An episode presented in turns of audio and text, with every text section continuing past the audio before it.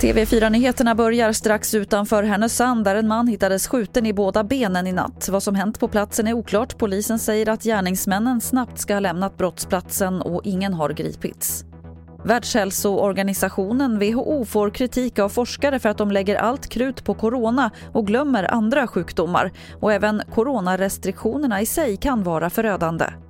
Nu har över en miljon människor dött av viruset enligt siffror från Johns Hopkins universitetet. Det är ungefär 2% av alla som dött i år. 98 har alltså dött av annat än corona. Och enligt siffror från samma universitet kan upp till 6 000 barn om dagen dö bara på grund av de hårda restriktionerna med utegångsförbud och skolstängningar. Bland annat på grund av uteblivna vaccin, ökad fattigdom och problem för hjälporganisationer att nå fram.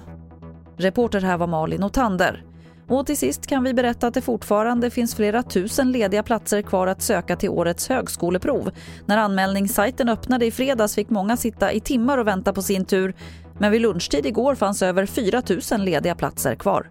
Det var det senaste från TV4 Nyheterna. Jag heter Lotta Wall.